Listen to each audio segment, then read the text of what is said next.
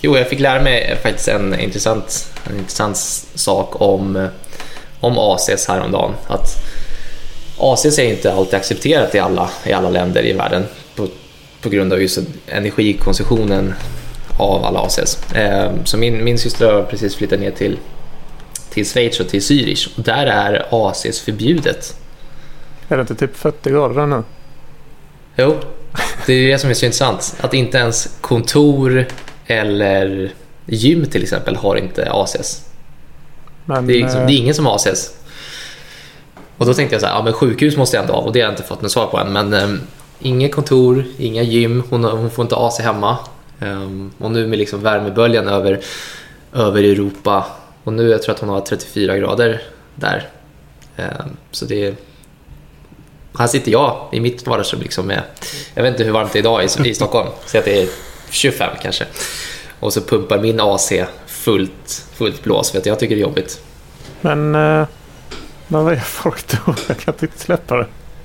Alltså, och då fryser man jättemycket is och sen omringar sig med is. Eller, vad, eller vanliga fläktar. Eller jag vet inte, det är hur, hur, hur överlever de liksom? För jag, jag, skulle, jag, jag skulle inte klara av det här heller. Nej, alltså jag, tycker, jag tycker att det börjar bli jobbigt när man kommer upp 28-29. Där, där börjar det bli jobbigt för mig och då går min gräns rätt lågt. Liksom.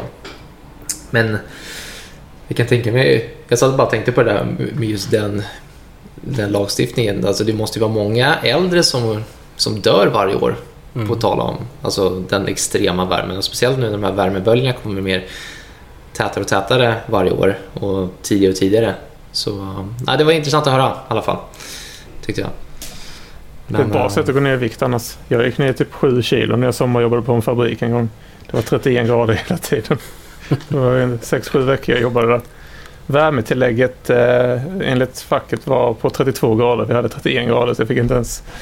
det var precis som de hade reglerat det var precis på 31 för det där smärtgränsen går. Det var, det var riktigt ah. hemskt. Ett bra sätt att gå ner i vikt. Well, jobba jobba inte på en var... okänd fabrik. Ja. Nej, det var inte sjukt all, all, Alltid ett bra tips. Ja.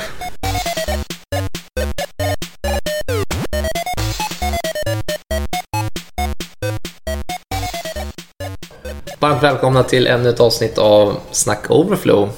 Idag sitter jag här med Oskar. Hej. Och Kim. Hallojsan. Och mig själv Andreas.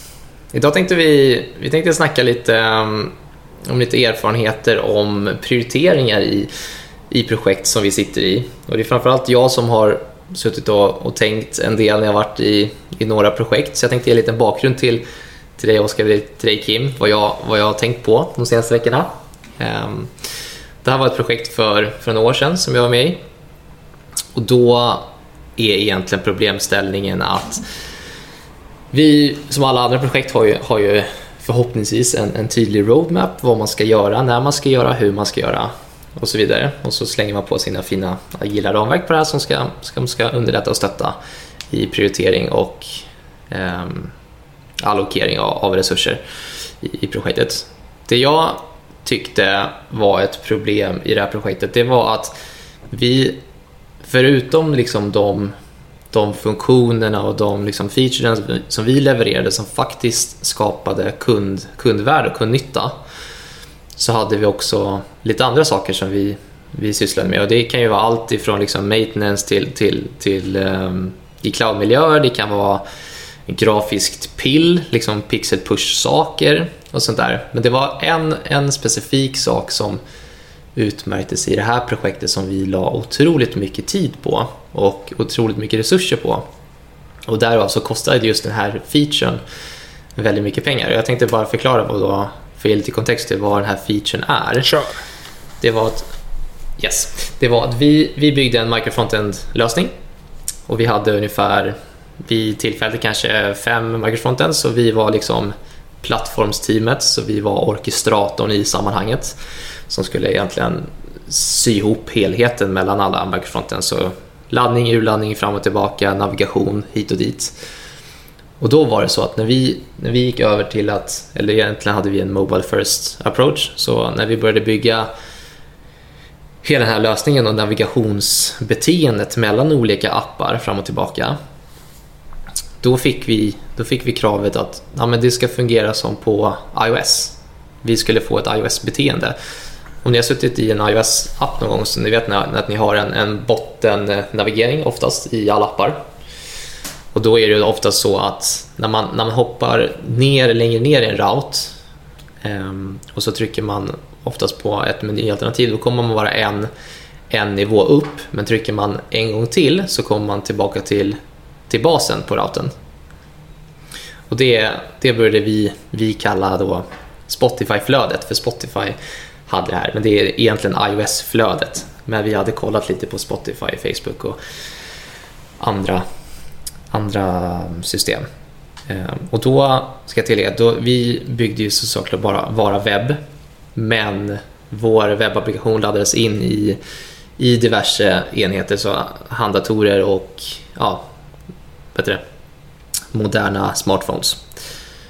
Men kravet var att vi skulle få ett, ett iOS-beteende fast för webb, just för navigationsmönstret. Men det här var ju väldigt svårt då vi hade massa microfrontends och vi skulle ladda in och ladda ur olika microfrontends på olika ställen. Och vi kunde inte kontrollera på ett, på ett snyggt sätt vart i hierarkin, i historien, i navigeringen vi var. Så att bara göra den här, den här grejen att när man klickar en gång på menyn så ska man komma upp en nivå, klickar man till så ska man komma tillbaka till basen. Det blev liksom den mest tidskrävande och resurs, mest resurskrävande featuren vi, vi levererade. Och om man då ser på lite liksom helikopterperspektiv på det och vad, vad levererade det här för värde för kunden?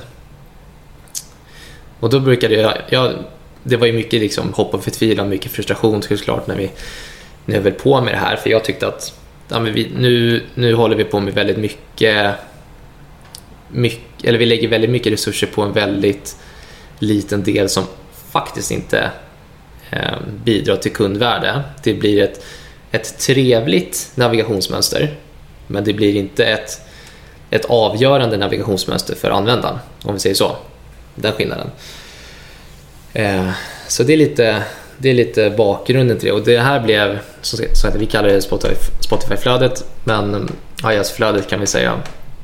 Och då brukade vi vi bollar det här fram och tillbaka, att vi, vi bygger webb, vi måste ju, vi måste ju stödja liksom hur webben fungerar. Vi, vi kan inte ta in iOS-specifika beteenden eller Android-specifika beteenden i, i hur webben Eh, ska anpassa sig efter, efter de plattformarna. Och det här var, det här var väldigt, väldigt svårt eh, att få gehör på det uppdraget. Att, att nu, nu fokuserar vi på någonting som faktiskt inte ger kundvärde men som blir, det blir snyggt eh, om vi ska uttrycka det så.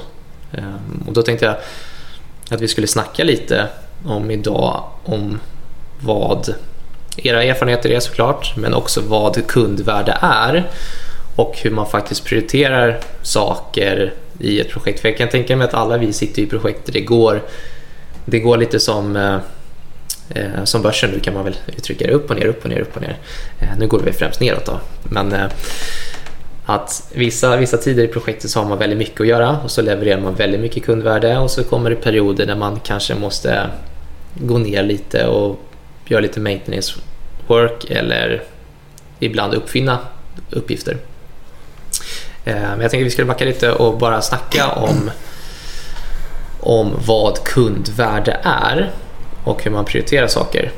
Ehm, så jag tänkte, Oskar, om du har något bra... Det kommer vara en liten lullig frågeställning såklart, vad kundvärde är. Men om vi utgår från, från en typisk webbapplikation som vi, som vi bygger i våra, i våra projekt. Vad skulle du liksom sätta är ett kundvärde och vad inte är ett kundvärde? Vad, vad drar du gränsen där? Jag tänkte utnyttja kontexten som du satt upp här i den frågan då. För jag tyckte det fanns en... Alltså, så som du beskrev det så känns det som det fanns en implicit antydan i kraven på att förutom rent UX-mässigt att vad som skulle hända om man tryckte på navigationsknapparna en gång kontra om man trycker två gånger att man kommer tillbaka till rutan. Så känns det som det fanns animationskrav där. Alltså det, det som att någon hade fått för sig att det skulle vara snyggt. Så jag, jag är lite nyfiken på vad kravet liksom, rent hypotetiskt i alla fall, var det kom från. Vem fick för sig att det liksom, ja, det måste ju nästan varit någon som har tyckt det varit lite fult. Eller? Alltså ja, det, precis. Ja. Krav, kravet kommer ju såklart från UX och UI eh, grupperingen såklart. Ja. Att det är liksom och då, då, I det projektet så märkte vi också att det var väldigt mycket personliga preferenser som kom in och avgjorde. Mm. Eh, absolut. Och kanske en risk också att säga att det kanske var som jag kan uppleva ibland, att man, man tar fram en väldigt fin design men som inte, inte stödjer de tekniska begränsningarna. Som i det här fallet, vi fick upp, upp, uppfinna en, en sorts navigering som skulle vara iOS-specifik men som, som egentligen ska vara, ja, egentligen bara är webb. Men absolut, det, det kom från UX och UI-hållet. Vem var, eh, vem var kund här? Vem var det som använde systemet? Kunden var... Mm, kunderna var det interna användare, så det var eh, helt interna applikationer. Så, eh, men man kan säga att det var... Kravet var ju såklart att applikationen skulle leva både i moderna applikationer och i, i gamla handdatorer, men in, interna användare. Så det fanns inte någon sån här eh, något krav på att det var tvunget att ha en viss estetik och en viss känsla för att eh, vad ska man säga, det var varumärkesbyggande att ha det. Eh, ungefär som Spotify har i deras, eh, i deras mm. Eller iOS överlag, att det är en viss typ av känsla som är the edge för dem. Eh, så det kravet fanns inte här med andra ord. Nej, precis. Det var inte en, en customer facing utåt på det sättet. Det var inte en publik applikation utan det här var en intern applikation men som skulle ha samma look and feel och det var väl också ett av kraven att varje microfronten skulle se likadant ut. Ehm, så man, man tog väl en, en eh, customer facing approach fast på insidan gjorde man.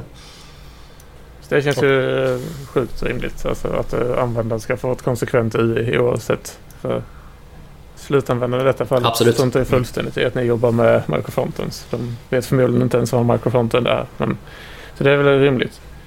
Eh, jag vill först komma tillbaka till frågan du ställde från början. Så jag tycker att oavsett om man är konsult eller anställd så det vi som folk som jobbar med IT, det man sysslar med är liksom ingen välgörenhet. Man kan inte sitta och göra någonting snyggt bara för att. Men om man kan rota att göra någonting snyggt för att man har tagit någon några affärsmässiga beslut att man ska skapa ett snyggt UI. Alltså typ om man tar Apple som exempel.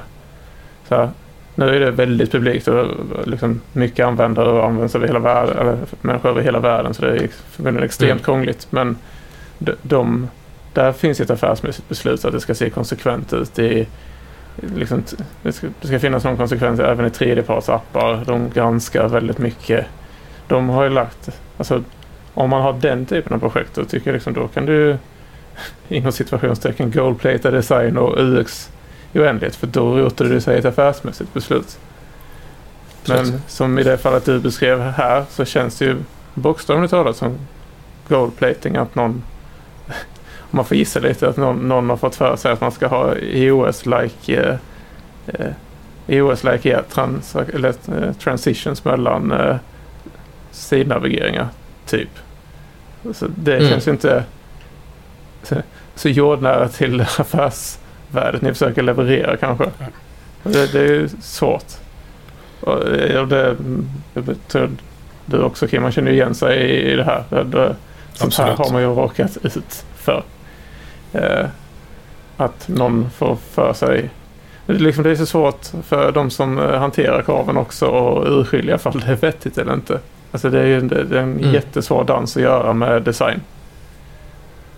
För de Men... som bestämde att det var en prioritet, de har kanske inte full koll på uh, vilken inverkan det skulle ha på utvecklingsteamen. Gissar jag på. Ja, det var du som jobbade där Andreas.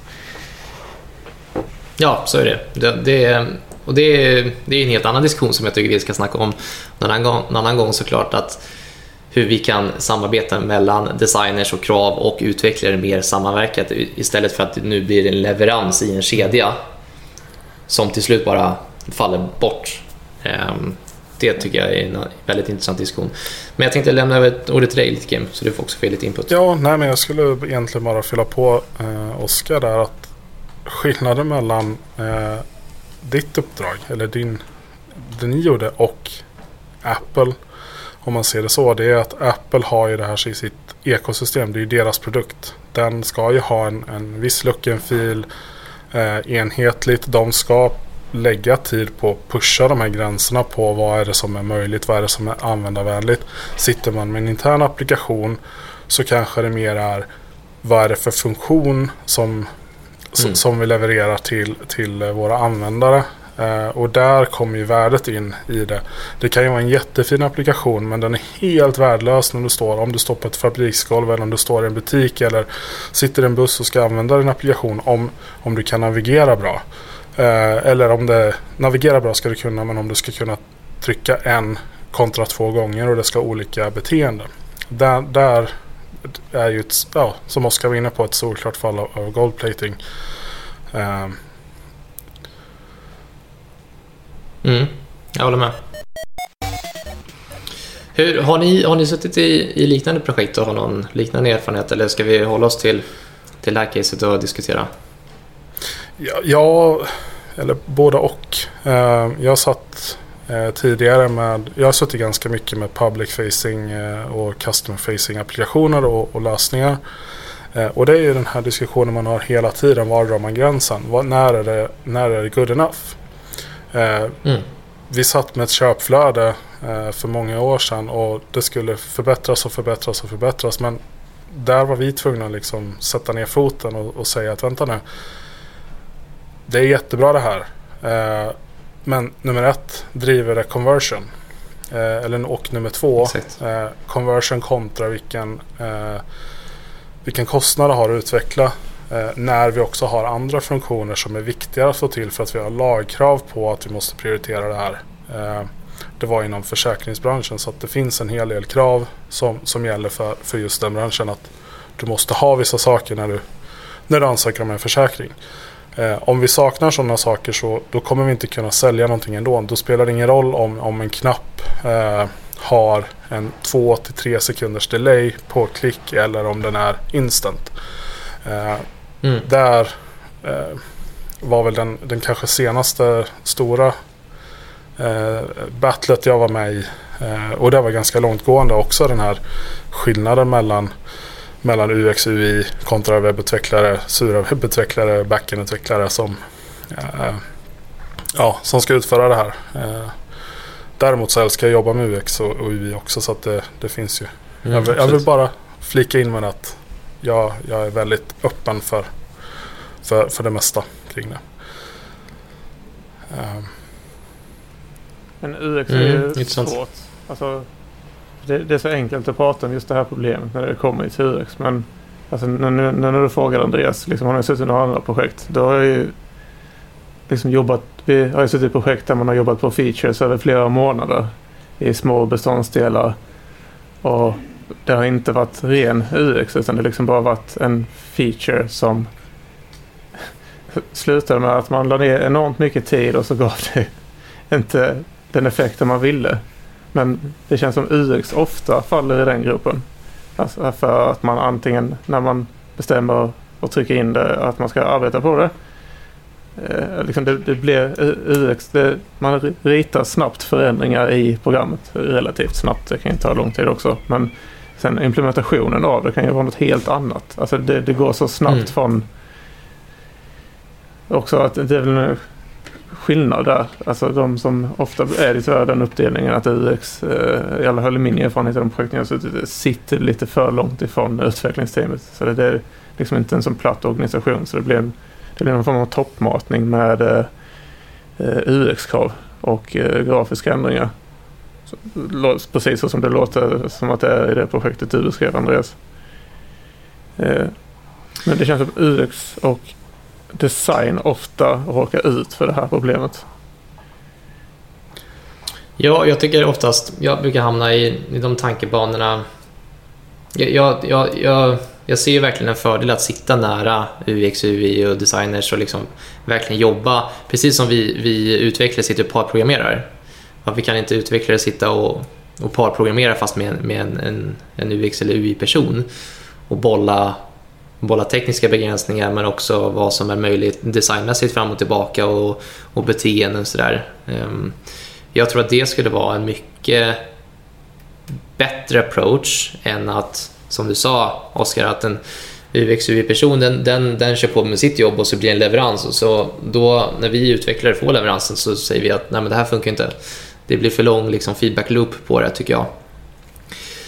jag men jag kan också... Ja, förlåt. Kör men jag kan också, jag hamnar också i det i motsatsen så hamnar jag i, i det facket när jag, när jag sitter väl med UX och UI-personer som tar fram liksom fantastiska designer så kan jag också bli lite väl naiv och eh, tycka att, att liksom skjuta ner idéer för fort. Um, istället för att, att, ta in perspektiven från UX och UI. Så det, det, är både, både och med mig där. Och det är väl klart att det finns ju ingen silver bullet men överlag så tycker jag att det, det är alltid bättre att sitta närmare varandra och inte ha en leveransorganisation Men det, på det sättet. Det var väl en, en, del av det som vi pratade i avsnittet av eh, vad är ett bra team till ett bra team? Just det här kommunikation och samarbete. Det är väl mm. eh, egentligen det här som det handlar om. Att vara öppen för annan input och, och sitta och, och samarbeta mellan olika kompetenser. Eh, inte bara UX och UI-utveckling utan även business och krav och, och ja, test, testning, slutanvändare, alltihop. Eh, för ofta sitter mm. ju personer i ett team med olika infallsvinklar på, på ett problem och en utmaning. Precis. Nej, jag tänkte på det du beskriver med eh, att eh, man sitter med designersen. Och det har jag också råkat ut för. Och så funkar det ett tag. Men sen tycker jag det är utopi. För det finns ett grundläggande problem som är ganska fundamentalt. Och det är hur man arbetar med design och eh, utveckling, alltså kod. Det är helt olika hastighet. Så det funkar typ mm. ett tag. Sen ganska snabbt så är jag ganska övertygad om alla som provar på det här och ha en dedikerad design i sitt team är att man jobbar från varandra och att designen får slut på saker att göra. Och då blir det ändå att man sitter i en varsin silo till slut. Jag, jag, jag kanske är lite, har lite gubbig åsikt kring det här men jag tycker inte riktigt det funkar. Eller jag har, inte, jag har inte varit med i team där det funkar. Och då blir det...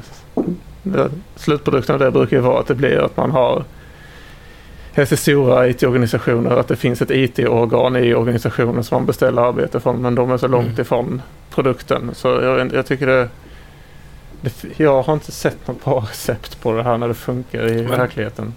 Men det är ju där de agila ramverken kommer in va? Ja, okej. Okay. Ja, de ska ju lösa det. Exakt, löser allt. I went there. ja, jag, jag har gått sådana... Ojsan. Okej, okay, men om vi backar bandet lite då. Eh, så att vi kommer tillbaka till snackar, snackar just om problemställningen. Vi, vi nämnde ju lite såklart att det, det, kan vara svårt ibland för krav och design och såklart eh, att veta vad som är viktigast. Det, det, det är ju största utmaningen vi alltid eh, drabbas, eller kämpar med tycker jag i våra uppdrag. Vad, vad är viktigast här och nu? Och prioritera fram och tillbaka. Men nu, och så jag tror det var du Oskar eller Kim, vem nu det var utav er att man ska göra good enough och så släpper man det och så itererar man det. Jag tycker man oftast hamnar i det här problemet som vi exakt gjorde i det här projektet i början. Att vi lägger alla resurser vi har på att lösa det här native iOS-beteendet för webb och så plötsligt så har vi en, två, tre månader där vi inte levererar features till och, som är kundvärde plötsligt. Är det någonting som, som ni känner igen liksom från tidigare uppdrag? Absolut. Ja. Uh, det... Ja, absolut. Det här är ju någonting som vi alla, alla stöter på i våra uppdrag. Men hur, hur ofta är ni då med? När ni säger att ni får ett sånt här problem i knät. Att ni, ni känner att nu, nu sitter vi och lägger resurser på fel saker. hur, hur ofta är ni med och liksom försöker påverka just att vi ska göra rätt saker i rätt tid? Känner ni att det är liksom er uppgift eller känner ni att det är, det är någon annans jobb eller hur resonerar ni kring det? Jag tycker väl att det är en del av min, min uppgift och mitt ansvar som, som en del i ett team som ska leverera någonting att, att flagga för att nu lägger vi tid på, på det här. Nu kommer, du, nu kommer ni som har tagit det här beslutet, eller vi som har tagit beslutet ska jag säga. Vi kommer inte få ut något annat. Det, det är det här som kommer gälla nu. Uh, och då får man bara in på det eller inte, då är det det som gäller. Uh, mm. Men jag försöker i alla fall, för jag är också mänsklig så att jag, jag, jag är också irrationell. Uh, men min grundinställning är att jag försöker lyfta saker tidigt så fort så fort jag ser det och så fort jag ser att det här kommer bli ett problem. Eh, ni kommer inte få, få effekt av det. Eh, det är min inställning. Mm. Ja. Och du Oskar? Jag, jag är nog ganska jobbig med sådana här grejer på uppdrag jag har varit på. Är jag övertygad om att jag tycker någonting är fel så ger jag mig liksom inte förrän antingen blivit överbevisad. Då, då kan jag ge mig ganska snabbt. Det tycker jag inbillar mig själv i alla fall att jag är objektiv. Men eh, det, sen så kan man ju få liksom eh, smäll på fingrarna på beroende på vad man är på för uppdrag eller vad man har för arbetsgivare. Är det på en väldigt stor IT-organisation och det är motsatsen till platt. Alltså att det är väldigt hierarkiskt. Eh, då kan det ta mm. stopp ganska snabbt och då får man alltså, ja. Är det det ni beställer och jag anlitar det här som en resurs då får jag väl göra som ni har sagt. Men jag har i alla mm. fall sagt att jag tycker det är fel. Det, och sen men, om man märker att det blir fel många gånger då försöker man ju försöker jag oftast, alltså, hur, hur jobbar vi med de, de här kraven? Alltså varför kommer, fortsätter de komma in i det här skicket? Det mm. känns fel. Eh, men tyvärr är det ju så eh, att ganska ofta så har man inte så mycket att säga till om. I alla fall inte, det har inte jag haft rent historiskt. Och när du, när du säger så Oskar, när, när, när du säger att du inte har haft så mycket att säga till om eller haft tillåtelse att säga till om. Hur, hur menar du då? Är det liksom inte accepterat att, att säga sina åsikter på uppdraget eller jo, är det, det bara att... det är det. Men det är bara att uh, besluten liksom, då, då har jag fått en liten smäll på fingrarna högre upp. Liksom. Nej, det här kravet okay. ska in. Men liksom, kommer man, uh, får man det svaret tillräckligt högt uppifrån liksom, då får man ju acceptera det. Mm inte, I slutändan är det inte jag som bestämmer det i min roll som uh, utvecklare. Nej, men så, så länge man kan sova om kvällarna eller om nätterna så...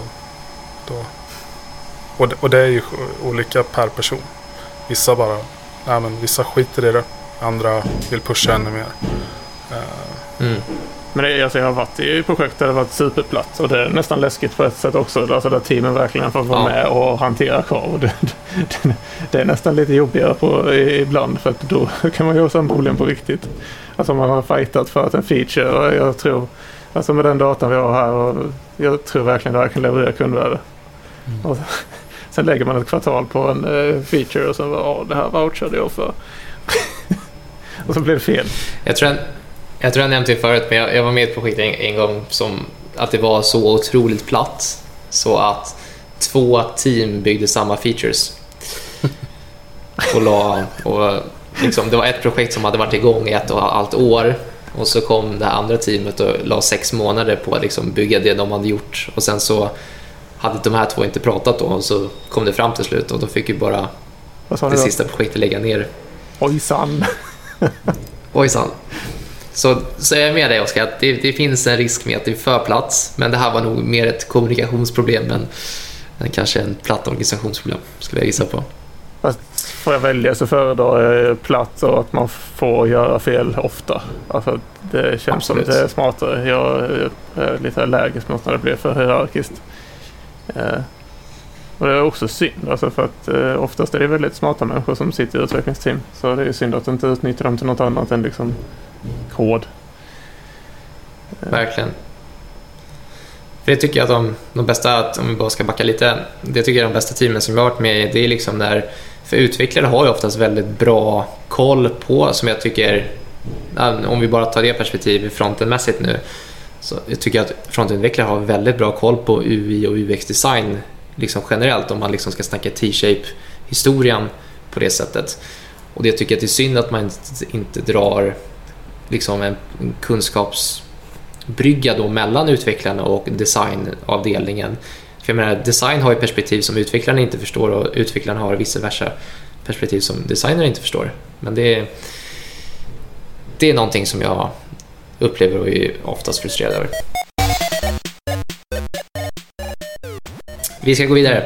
Jag tänkte att vi skulle snacka lite kring vi ska hoppa vidare på bollen vi, vi började i början med att liksom, vi har fått en feature som kostar väldigt mycket pengar och vi lägger mycket resurser på det.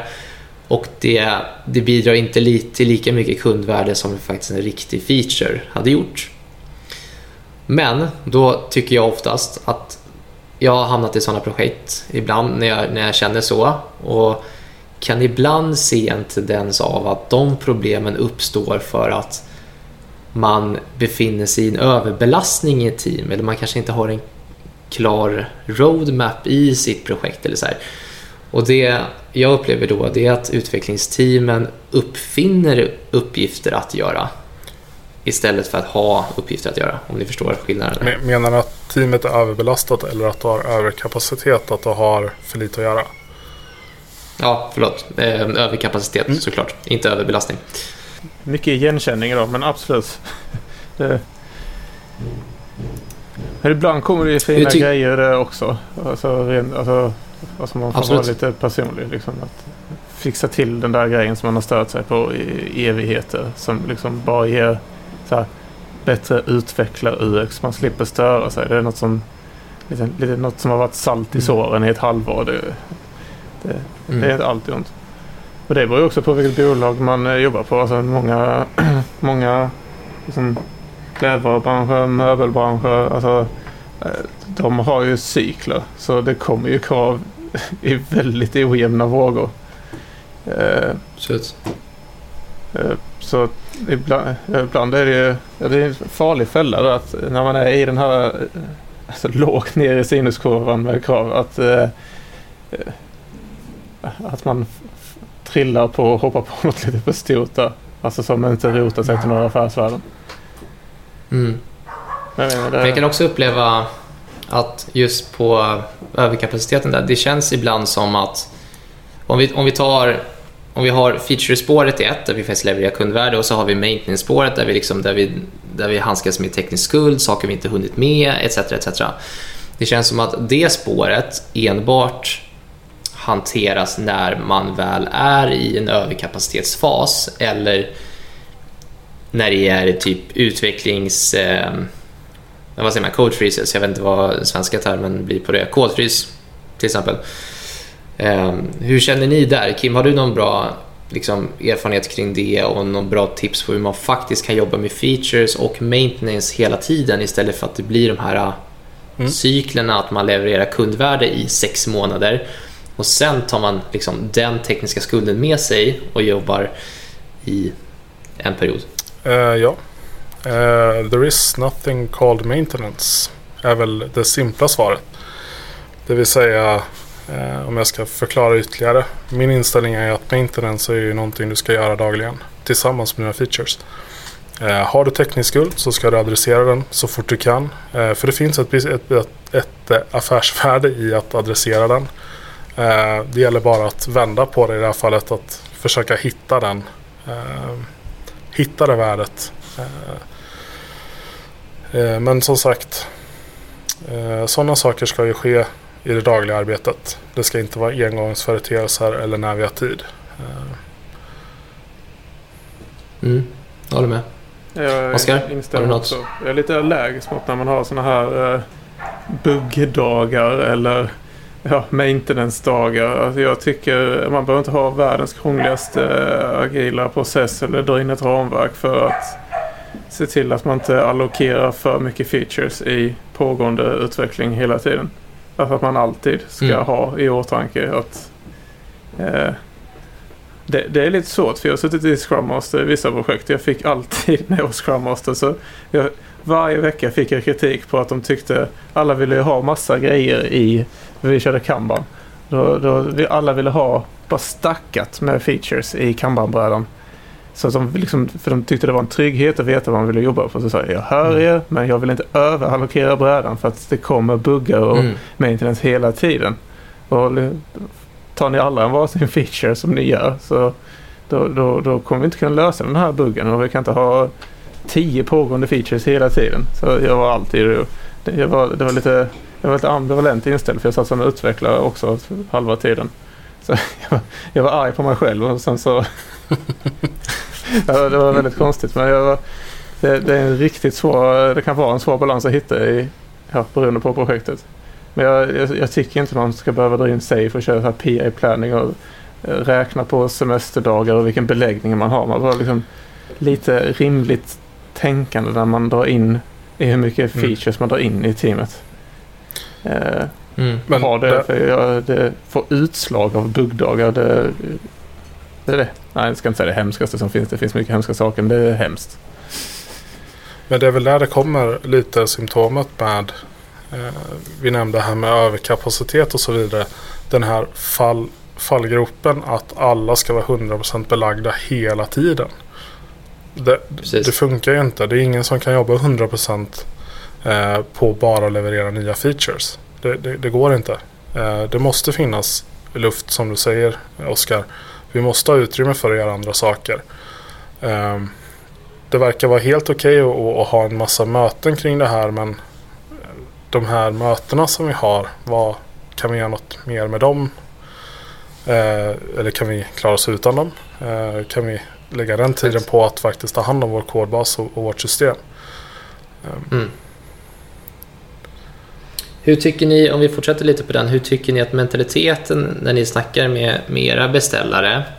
För vi, vi utvecklare vill ju inte, som du sa Kim, att there's no such thing as maintenance.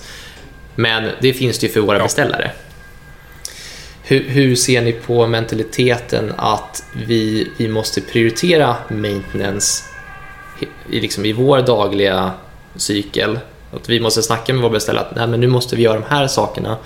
Vi kan inte leverera features. Hur tycker du att mentaliteten är där? Oskar, du kan få börja svara på den frågan.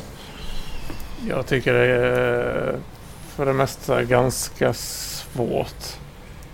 Jag har varit i några projekt där jag har haft eh, väldigt förstående människor som kan hantera politiken uppåt och förklara ja, nu kommer vi syssla med det här ett par månader. Alltså så att eh, utvecklarna blev ganska frånkopplade från och, och fick grönt ljus och lägga på eh, eh, alltså eh, features som ger kunden någonting men som kunden inte kommer förstå. Alltså typ så här, by, by, Mm. en gång så var det att vi skulle byta en eh, gå över till AVS från att ha haft en, en burk stående i sin garderob. Och det, liksom, det tog ja, mellan, vi levererade något värde av det efter tre månader men det kanske tog sex månader totalt för att det var ganska omfattande.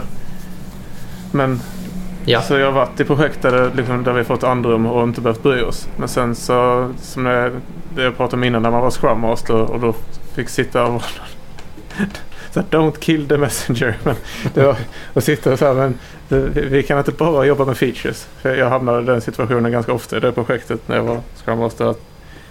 Så jag bara, nej, nej, nej, nej, nej, nej, nej inte, tryck inte in mer features, inte mer features, inte mer features. Jag, fick, jag blev till slut en form av gatekeeper till vår bräda. Där jag försökte hålla ner antalet features så mycket som möjligt. Vilket gjorde att EKF-ställena blev ganska ofta frustrerade på mig. Det var, Mm. det var väldigt många som kom in och ville ha in features i det projektet. Eh, det, det, är jättejobbigt att vara i den positionen. Eller var i alla fall för mig i eh, det projektet. Det blev mer eh, politik än Scrum Masteri skulle jag säga. Jag förstår. Det blev en feature keeper.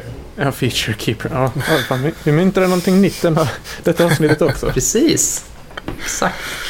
Du då Kim? Ja, men det, det, det ställer ju väldigt höga krav på eh, product owners och, och beställare överlag om man vill se det som, som beställare och utförare. Eh, Mm. Jag tycker väl att det enklaste är ju när eh, de som tar beslut, det vill säga inte jag, har en, håller en holistisk, eh, eller har en holistisk syn på mjukvaruutveckling. Det vill säga, de vet, de är medvetna om att det finns det finns buggar, det kommer alltid finnas buggar, det kommer finnas edge cases, det kommer finnas teknik som utvecklas, det kommer finnas nya... Kör du en månadsarkitektur så kommer det komma nya servicer som kommer passa våra, mm. eh, våran applikation bättre och våra krav bättre. Det kommer komma uppdateringar i frontenramverken, det kommer komma nya saker hela tiden för det är så vår bransch funkar. Det, det itererar och det förbättras hela tiden. Eh, och det ställer som sagt mycket, mycket krav på beställaren att man har den insikten. Eh, då är det ganska, min erfarenhet säger att då är det ganska, inte simpelt men det är lättare att få få väva in det här att okej okay, med maintenance är någonting som du faktiskt gör dagligen. Det är inte någonting som du bara gör mm. en gång. Eh, eller som, som en maintenance utan du tar hand om ditt system på ett holistiskt sätt. Eh, har, har eh, de som håller i, i plånboken inte den inställningen. Då är det svårt. Då är det jättesvårt. Och jag har inte någon lösning på det. Den personen som har en lösning på det här eh, får gärna låta mig veta. Eh, för det är väl egentligen den här en av de mest eh, en av de olösta utmaningarna i eh, mjukvaruutveckling. Så här. Hur får vi till det här? Eh, mm. Where is my silver bullet for, for maintenance? Men det är ju ofta att det är snabba svängar med kraven. Alltså ja. även om man har stort ramverk och sen så Säg vi målar upp ett hypotetiskt eh, bolag som får in ett jättestort eh, kontrakt om man löser en feature. Sitter man med en fullmatad eh, kanbanbräda som vi gör i det här hypotetiska projektet. Och så, ja men vi behöver detta om två veckor. Ska vi kan man släppa allting. Eh, ett sätt är att man kör på min approach och vara feature keeper kanske. Alltså att man ser till att underallokera uppgifter i kameran hela tiden och försöka hantera frustration. För det kommer ju resultera i frustration hos teamet högst sannolikt att man inte vet mm. hela tiden vad man ska jobba med. Men mm. ju, ju, mindre du har lovat, ju snabbare kan du svänga höger, vänster, backa eller gå och fortsätta rakt fram. Mm. Uh, så för, man kanske kan hitta någon balans där. Jag försökte göra det men lyckades. Jag kan inte påstå att jag lyckades. Men jag tyckte receptet var bra.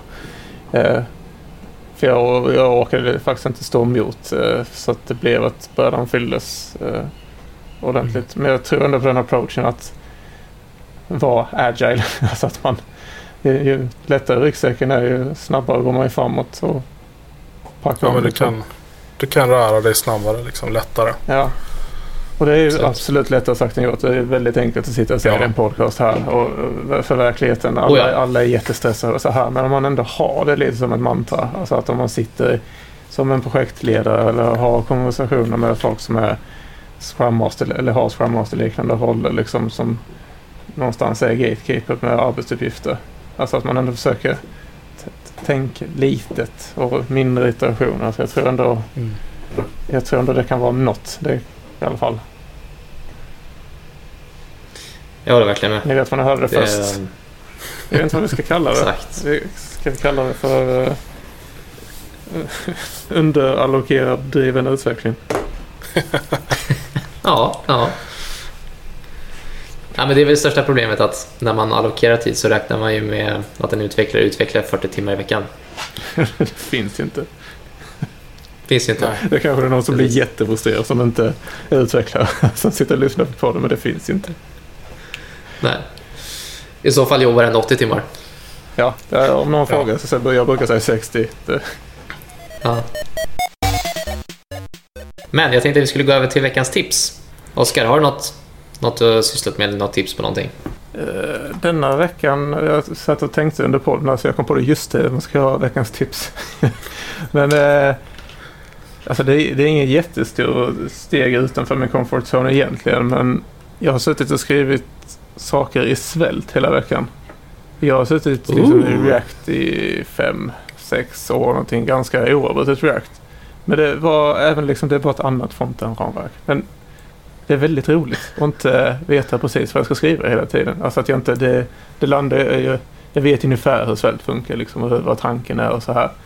Eh, men sen har jag varit alldeles för lat för att gå igenom hela tutorialen de har på sin hemsida. De har en ganska snygg sån interaktiv grej. Men eh, mm. jag liksom bara pressade mig igenom den väldigt snabbt på en minut. Det borde ta någon timme säkert. Eh, men det är ganska kul att vara utanför sin comfort zone och stå liksom lite mer naken inför ett problem. Det var väldigt roligt och det var ett tag sedan jag gjorde det. Eh, jag känner faktiskt att det har gett ganska mycket. Så Google, min Google är ju jätteförvirrad nu när jag inte söker på React-saker längre. Men eh, jag vet inte, jag vet inte alls. Jag tror du hade bestämt dig. Men nej, det, alltså, gå utanför sin comfort zone är väl kanske andemeningen av veckans tips som jag försöker ge. Mm. Eh, ibland i alla fall. Eh. Det är superbra.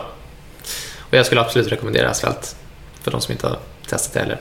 Kim, har du något tips? Jag har varit, eh, jag var lite sjuk senaste veckan så jag har eh, legat hemma i soffan och eh, börjat kolla om Fringe.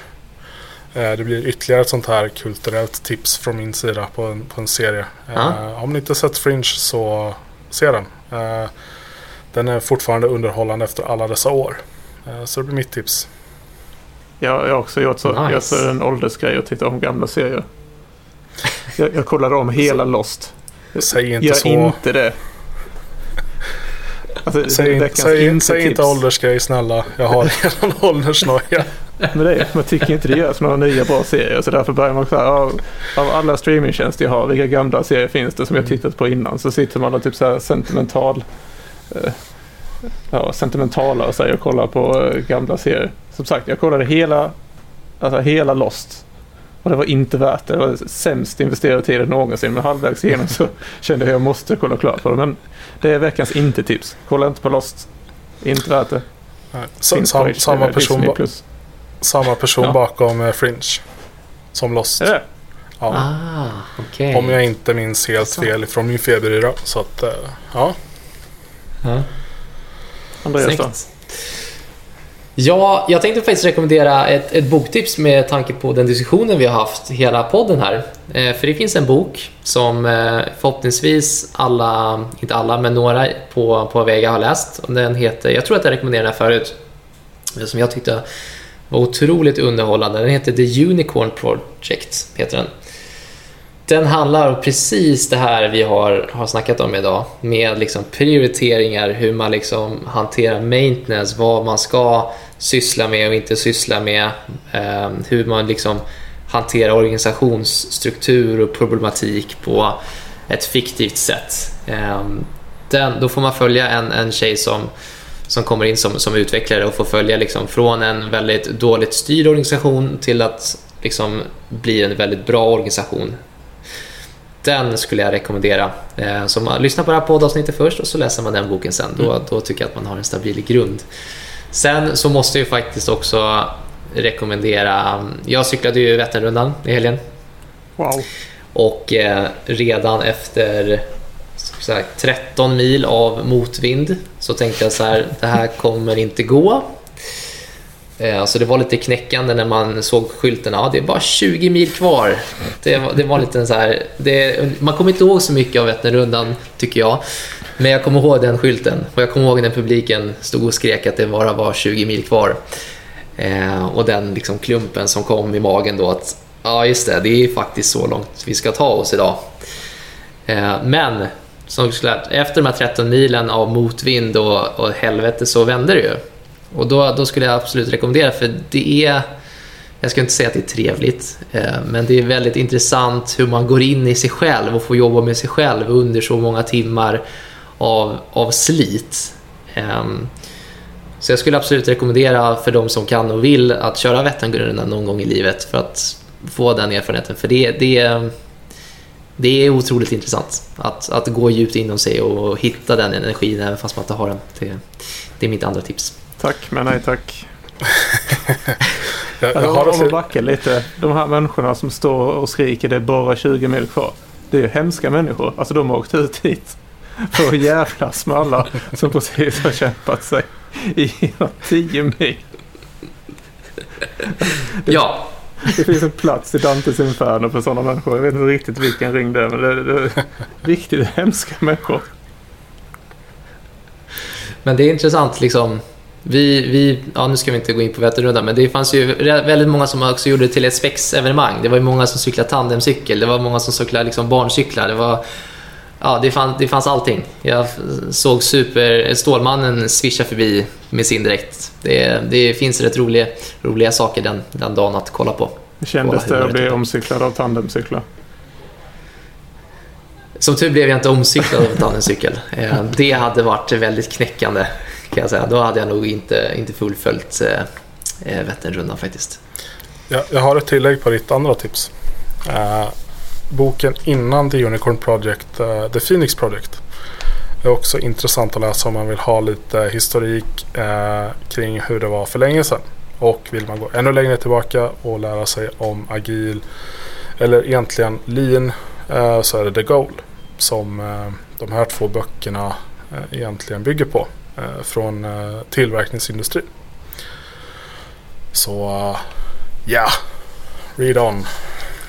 Är det någon Precis. grej att man ska skriva böcker som heter The någonting sagoväsen project? Phoenix, Unicorn. Så alltså, Phoenix, kan, Phoenix är inte... Phoenix har ju sprungit på många gånger under, under min karriär. Det är väldigt fint Fint projektnamn. Uh, Unicorn, ja det. det. börjar väl komma, eller har kommit. Uh, definitivt en grej. Precis. Och kortfattat kan man väl beskriva det som Phoenix är ett projekt som går neråt och ett, ett Unicorn-projekt är det som går positivt uppåt. Om man ska skriva kortfattat, va? eller hur? Mm. Ja, och så reser man sig i askan igen. Exakt. Toppen! Tack för idag. Tack Tack för idag. Hej. Hej. Hallå.